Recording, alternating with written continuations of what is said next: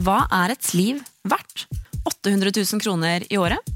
Det er i hvert fall ikke noe særlig mer enn det som staten vanligvis er villig til å betale for et godt leveår hvis du er syk. Så hva hvis medisinen din koster 900 000 kroner, eller 1 million?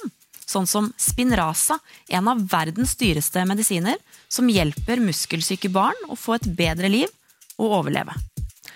Der koster én dose én million, og du trenger tre i året resten av livet. Det er for dyrt, sa Beslutningsforum denne uka. De kaller det den vanskeligste saken de noensinne har behandlet. For hva er et liv verdt? Velkommen til Underhuset.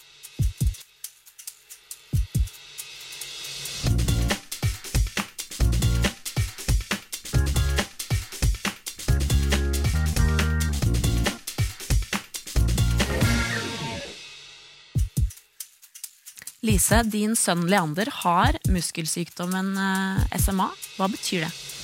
Det er spinal muskelatrofi. Det er en genetisk eh, sykdom som gjør at det ikke går signaler ut fra ryggmargen ut i musklene, sånn at man blir eh, svakere og svakere. Og Det er forskjellige grader av den, og hvis man har den verste, så dør man innen et par år. Hvis man overlever ungdomstiden, da, så er du svært svak og puster dårlig. Eh, og får en ganske relativt tidlig død. Og hvis du har eh, den tredje varianten, der eh, mister du gangfunksjonen og armfunksjonen. Som din sønn? Min sønn han har den mildeste varianten, så vi er velsignet med det at der, vi har han for livet ut. Han vil ikke dø av SMA, han vil dø med SMA. Hvis han hadde fått denne dyre medisinen Spinraza, hvordan kunne livet hans blitt da? For han ville vi jo kunnet redde gangfunksjonen hans. Han begynte med rullestol eh, sånn omtrent overgangen fra barnehage til eh, skolen. Og, men vi har øvd og øvd for å prøve å holde noe ved like, da. Sånn at han går, eh, prøver å gå 100 skritt om, om, dagen med rullator. Så for han vil det bety at han kan redde gangfunksjonen. Vi skal se et lite klipp med Leander, som selv synes at denne medisinen er altfor dyr. Den koster for forferdelig mye penger. Mer enn dette huset kosta når det ble laget. Og det er forferdelig trist, for det kan hende at vi bruker opp alle pengene vi har på dette medisinen, og så, ja, så har vi nesten ikke mer penger. Hva sier han selv om sykdommen? Han syns det er veldig trist at han ikke kan gjøre de tingene han kunne. Han kunne jo løpe før, ikke sant? og han kunne gå og kanskje sparker litt fotball òg. Eh, så han syns jo det er trist å ikke kunne gjøre det, men samtidig så er han en veldig robust uh, liten fyr mentalt. Og sånn som han sier, jeg får mye ut av lite. Så altså det at han er født sånn som han er, da, med en sånn sterk syke, det har nok gjort det bra for han. Men jeg ser det er veldig mange som ikke er det, og mange som opplever veldig stor grad av angst med den sykdommen. Og særlig når du når uh, ungdomsalderen. Så det er en en sykdom med stor lidelse altså for mange, og for selvfølgelig de pårørende som står rundt og, og ser at barna gradvis da forvitrer, eh, rett og slett. Ja, for Hvordan er det for deg som mor å se sønnen din blir svakere og svakere eh, for hver dag, og vite at det er en medisin der som kunne hjulpet ham, men som du nå ikke får? Ja, Det er jo veldig frustrerende. Vi har fulgt med, jeg har fulgt med på forskningen siden det begynte når han fikk diagnosen da han var tre. Da var det på rottestadiet. Jeg har fulgt denne forskningen hele veien. Og, og, det var en stor gledens dag eh, lille julaften i fjor når den ble godkjent i Amerika. Og jeg trodde det skulle gå raskere før den ble godkjent her også. Og vi ser jo den har blitt godkjent utover i Europa. Sånn ellers da i, i Tyskland og Frankrike og Italia, Østerrike og Sveits. Og til og med Tyrkia. Så, så det, er, eh, det, er, det, er, vondt og vanskelig, og jeg, jeg, gleder meg over alle de som blir bedre. Vi ser jo nå de legger ut videoer, og at de går for første gang. ikke sant? Og til og med type 1-barn, de som vanligvis dør i løpet av kort tid. Nå har de fått dem opp å gå òg. Og det, det, er jo veldig sterkt, og vi gleder oss over dem, men samtidig gjør det så vondt at vi ikke får gjort noe her hjemme med, med våre barn. da. Steinar Madsen, du er altså en av dem som rådgir Beslutningsforum fra Legemiddelverket. Eh, hvorfor ble det nei til denne medisinen? Ja, Den var dessverre for dyr. Og det er veldig leit. Jeg følger veldig med pasientene og deres pårørende. Vi skulle gjerne tilby denne medisinen i Norge. Det var rett og slett for dyrt. Og det er jo det som er, er problemet, at vi må prioritere. Fordi det vi gir til noen, må vi dess, dessverre ta fra den andre. Og det er en nesten uløselig problemstilling. Hvordan gjør man de vurderingene? Man prøver å finne ut hvor mye det koster for det vi kaller et kvalitetsjustert leveår. Altså et godt leveår. Og I Norge så, så, har vi lagt oss ganske ganske høyt når det gjelder dette. Men denne medisinen kom i en helt annen divisjon. Dessverre pga. den høye prisen. Vi skal snakke mer om dette her. Eh, Biogen, som er legemiddelfirmaet som har denne medisinen, de ønsket ikke å komme hit eh, i dag til oss pga. at de er i forhandlinger med myndighetene om prisen på medisinen, men vi skal få inn representant fra legemiddelindustrien, som eh, da er paraplyorganisasjonen for legemiddelfirmaene, og professor som både er lege og etiker. Men først eh, til deg, Line. Dere får altså jevnlig kritikk for å være uetiske, grådige, for høye på pris. Er dere grådige? Prisen settes internasjonalt, og den settes ikke spesielt med tanke på Norge eller norske forhold. Og så har vi et uh, vurderingssystem som myndighetene har laget, hvor man ser på det som Steinar Madsen forklarte, hva de totale kostnadene blir for den helsegevinsten medisinen bringer. Og når, først når det regnestykket er gjort, at man kan se om kostnaden er akseptabel, eller om man mener at den er for høy. Og Hittil i år så har myndighetene sagt ja til 29 legemidler og nei til fire. Og I mange tilfeller så er ikke prisen en utfordring, hvor medisiner kan tas i bruk med en gang. I noen tilfeller så blir det prisdiskusjoner, og i de aller fleste tilfellene så, så blir det, det diskusjon slik at uh, industrien kommer med tilbud som myndighetene kan akseptere. Men Skal dere tjene penger, eller skal dere hjelpe folk? Vi gjør begge deler. Vi, har som, vi, vi, trenger å ha en inntekt for å kunne fortsette å utvikle medisiner også for fremtiden. Det kommer stadig vekk eh, store nyvinninger, og det er vi veldig glad for. Og vi vil selvsagt at alle pasientene som trenger det, skal få bruke de medisinene som utvikles. Eh, så vi, det, det, det, er viktig for oss. Ole Fridtjof Norheim, du har altså ledet et regjeringsoppnevnt utvalg som har sett på eh, dette her, og dere foreslo bl.a. Altså en betalingsgrense. Hvor, mm. eh, hvor, burde den ligge? Først har Jeg lyst til å si at jeg har stor forståelse for den fortvilte situasjonen som dere som foreldre er i. Og Det vi foreslo i vårt opplegg var jo at for å få et rettferdig system, så sa vi at det må være en øvre grense for kostnader i forhold til hvor mye vi kan hjelpe pasientene. Og vi prioriterer jo, som du sa, de aller fleste i Norge. Men hvis forholdet mellom kostnader og hvor mye vi kan hjelpe pasientene, er helt feil. Hvis prisen er altfor høy eller kostnaden er altfor høy, så kan ikke det prioriteres. For det er det akkurat som han sa, at da må vi bruke opp alle pengene på noen, og da må vi ta det fra noen andre. Så forholdet mellom kostnader og effekt er veldig viktig. Og det letteste man kan gjøre her, er jo å få ned prisen for at vi skal kunne prioritere denne behandlingen. Men det dere sier da, er jo altså at dere legger en eh, avgjørende vekt på kostnadene her. Og det er det ikke anledning til fra et rettslig perspektiv. Jeg er jurist, så jeg har dette her.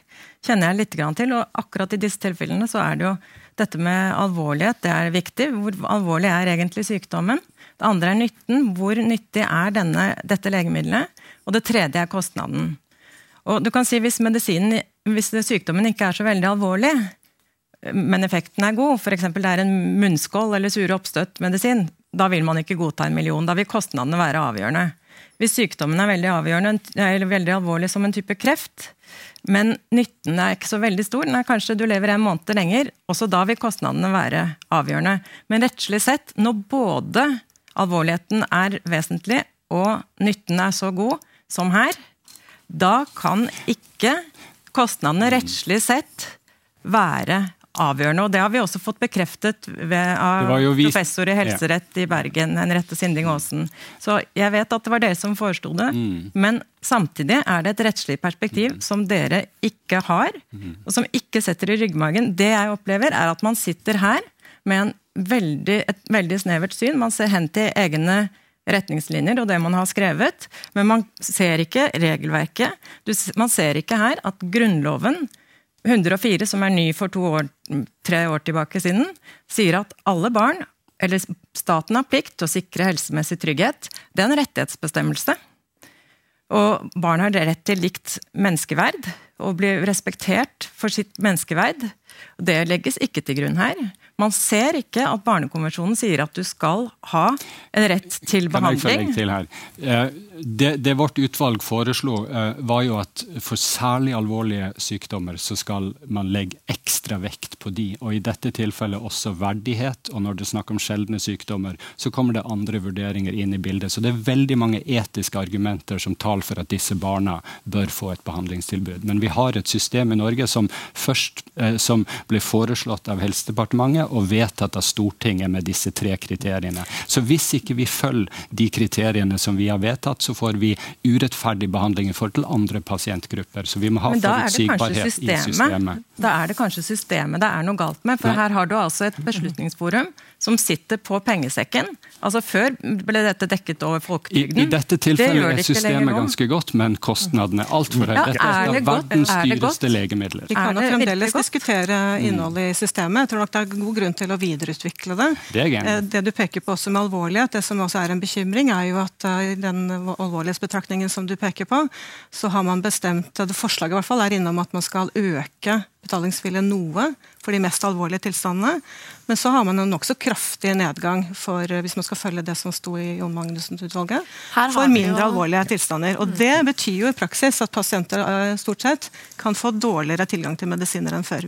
Mm. Men, men, det er jo det er et aspekt vi må ta med her også, det at dette gjelder jo ikke bare medisiner. Prioritering gjelder hele helsevesenet. Det gjelder kirurgisk behandling opp mot legemidler. Det gjelder sykepleiere og leger versus pleie det er et veldig veldig komplett slik at det aller viktigste for at vi skal få et godt helsevesen nå og i fremtiden, er jo at vi greier å prioritere. At vi forhandler ned priser på alt vi kjøper. Det gjelder både kirurgen, det gjelder medisinen, det gjelder medisinske utstyret, teknisk utstyr. Vi må, vi, må, se helhetsbildet. Men da er det for dyrt, ja. da? Da priser de seg for dyrt? Det som er, blir problemet da, at med den høye prisen, så må vi ta penger fra noen. Og det som ingen på en måte vil svare på, det er hvem skal vi ta det fra? Mm. Det er det store store problemet. Hvem skal vi ta pengene fra? Og, og, og, og, vi som myndigheter vi er veldig opptatt av å skape rettferdighet på tvers. Og Derfor har vi fått dette systemet som Stortinget har bestemt. Det kan være et viktig prinsipp, men det som vi også kan diskutere, er jo hvilken betalingsgrense samfunnet skal ha. For det vi ser er at I Norge så bruker man 7,5% av helseutgiftene på legemidler, mens OECD-snittet er på over 16% så kan, nå har man hatt en Du mener at myndighetene må bruke mer penger? Man kan i hvert fall diskutere det, fordi at man har en betalingsgrense som har eksistert over tid. Og det er jo ikke sikkert den behøver å være skrevet i stand heller. Men Lise, um, denne gruppen som din sønn er en del av, er en liten gruppe. Det er en sjelden sykdom. Det er flere grupper som er sjeldne sykdommer. Skal man betale uansett? Ja, det jeg vil si, altså, I forhold til å sette et tak på hva det skal koste, og i forhold til å beregne quality, som du sier er eh, sjenerøst i Norge, noe det ikke er. det er vel en vanlig, Man har vel snakket om 300 000 eller, eller 750 for sjeldne sykdommer. Er deres liv verdt det? Er det det man tenker? Men sjeldne sykdommer, medisinen vil alltid være dyr. Det er et lite marked å dele kostnadene på. Man kan ikke kategorisk velge bort en hel gruppe. Det er det ikke anledning til. Og det som er her, er at her ser man kun ut fra sitt eget budsjett, men det man ikke ser her, er at vår gruppe Det koster 3,5 million i døgnkontinuerlig assistanse våre, våre, i vår gruppe. De som trenger å bli snudd om natten eller sjekke pusten på. De fleste type 3 til og med kommer dit etter hvert. Og det er, og det er den mildeste formen. Så det koster 3,5. Respirator koster minimum 3, fra 3 til 10 millioner i året. Så vi er en voldsom kostnadspost for staten i dag. Men det er ikke akkurat på samme budsjettpost, så det tar man ikke hensyn til. Er det sant? At dere ikke tar hensyn altså fordi at Her sier vi at en, en, eh, hvis vi går gjennom kostnadene litt, så har man en dose med medisin som man må få tre ganger årlig, som er rundt tre millioner. Og så har man da f.eks. pleie, personlige assistenter, som i et tilfelle kan koste nesten like mye. Nei, når man beregner eh, kostnadene, så tar man eh, hensyn både til utgifter og kanskje inntekter at man sparer på pleie osv. Det inngår i regnskapet. Så det har dere tatt med i betraktning? Mm. Mm. Det er det vel det er ikke helt riktig. Man har ikke tatt det med i betraktning, for man har sagt til oss at man tar bare med det biogen eller legemiddelprodusenten selv klarer å skaffe, og det har de ikke klart å skaffe til veie, så det måtte vi gjøre i ettertid, etter at rapporten var skrevet og vi fikk den. Eh, så det, det, er ikke riktig at man har tatt hensyn til i denne vurderingen her. Men hvordan er det med eh, når man tar disse vurderingene? Har det noe å si hvor lenge man vil leve, hvor godt man vil leve? Om det er en kur? Er det forskjell på kreft ja. og denne muskelsykdommen? Hvordan gjøres de vurderingene? I prinsippet så tas alt med i betraktningen når vi gjør disse beregningene. Hele bildet alternativ behandling, andre behandlinger, hva du sparer på pleie, andre, det inngår i det totale regnskapet. Så i dette tilfellet her så mener dere at livet som Leander vil få, vil ikke være godt nok eh, til at man kan Jo, betale for det? Ik ikke? Vi vil veldig gjerne gi alle legemidler til alle pasienter i Norge som har bruk for legemidler. Men pga. at vi må prioritere, så blir det slik at noen legemidler blir veldig veldig mye høyere enn for andre. Og Da får vi en vanskelig prioriteringsdebatt. Og Litt av problemet her var at søknaden her også tok ikke nok i betraktning disse tingene som du har nevnt, nemlig hvor mye man kan spare osv. Men har dere ikke da en plikt til å gripe så- tak i det selv, og er- se det vi- realistiske bildet her? Jo, jo. Vi er jo også selvfølgelig i diskusjon med firmaet nå. Nå skal det jo prisen forhandles, så får vi se hva vi kommer frem til. Vi håper jo selvfølgelig at firmaet reduserer prisen. Hva er en akseptabel pris, da? Det kan vi ikke si, selvfølgelig. fordi Men dere er- har et, et Det er ikke noe problem for firmaet ut fra det vi har beregnet, å komme frem til den prisen som kan aksepteres. Det Dette kan, har jo du regnet på. Hva, hva tenker du at er en akseptabel pris her? Vi, vi, vi foreslo jo at uh, eh, vi skulle ha en, en betalingsgrense, men som skulle være mye høyere uh, hvis det var en veldig alvorlig sykdom. Og dette er en av de mest alvorlige sykdommene vi har i vår helsetjeneste. Eh, og da sa vi at man kunne gå opp til en million for eksempel, per godt leveår, eller enda høyere. Men det er det opp til det politiske systemet å bestemme. Stortinget ønsker ikke en sånn betalingsgrense, så vi har egentlig en uformell betalingsgrense som ingen har vedtatt. Eh, men, og Stortinget har ikke ønska det. Og Det skaper også eh, en utfordring og et problem. Men med den grensen vi har i dag, så er det en Som del er på rundt på rundt, 800. og, rundt 800 000, Ja. kanskje. Og man strekker seg litt lengre for veldig alvorlige sykdommer. Men vi har jo sagt nei til noen kreftmedikamenter, og i dette tilfellet så måtte vi si at denne behandlingen er syv til åtte ganger viktigere enn det, disse kreftmedisinene vi har sagt nei til. Og det er det som er problematisk. Og den eneste måten å få til en, en, rettferdig løsning på denne situasjonen, er å få ned kostnadene. Ellers så tar vi penger da vi vil jeg gjerne si litt om de reelle kostnadene for det opereres med tall som syv millioner og fire millioner og sånne ting. Den reelle kostnaden her er 2 millioner i år to og 4 millioner i år én. For her, de kostnadene som har vært ute, man har regnet med syv doser, det er seks doser man trenger. Og dessuten så har man regnet med merverdiavgiften, som jo går til staten.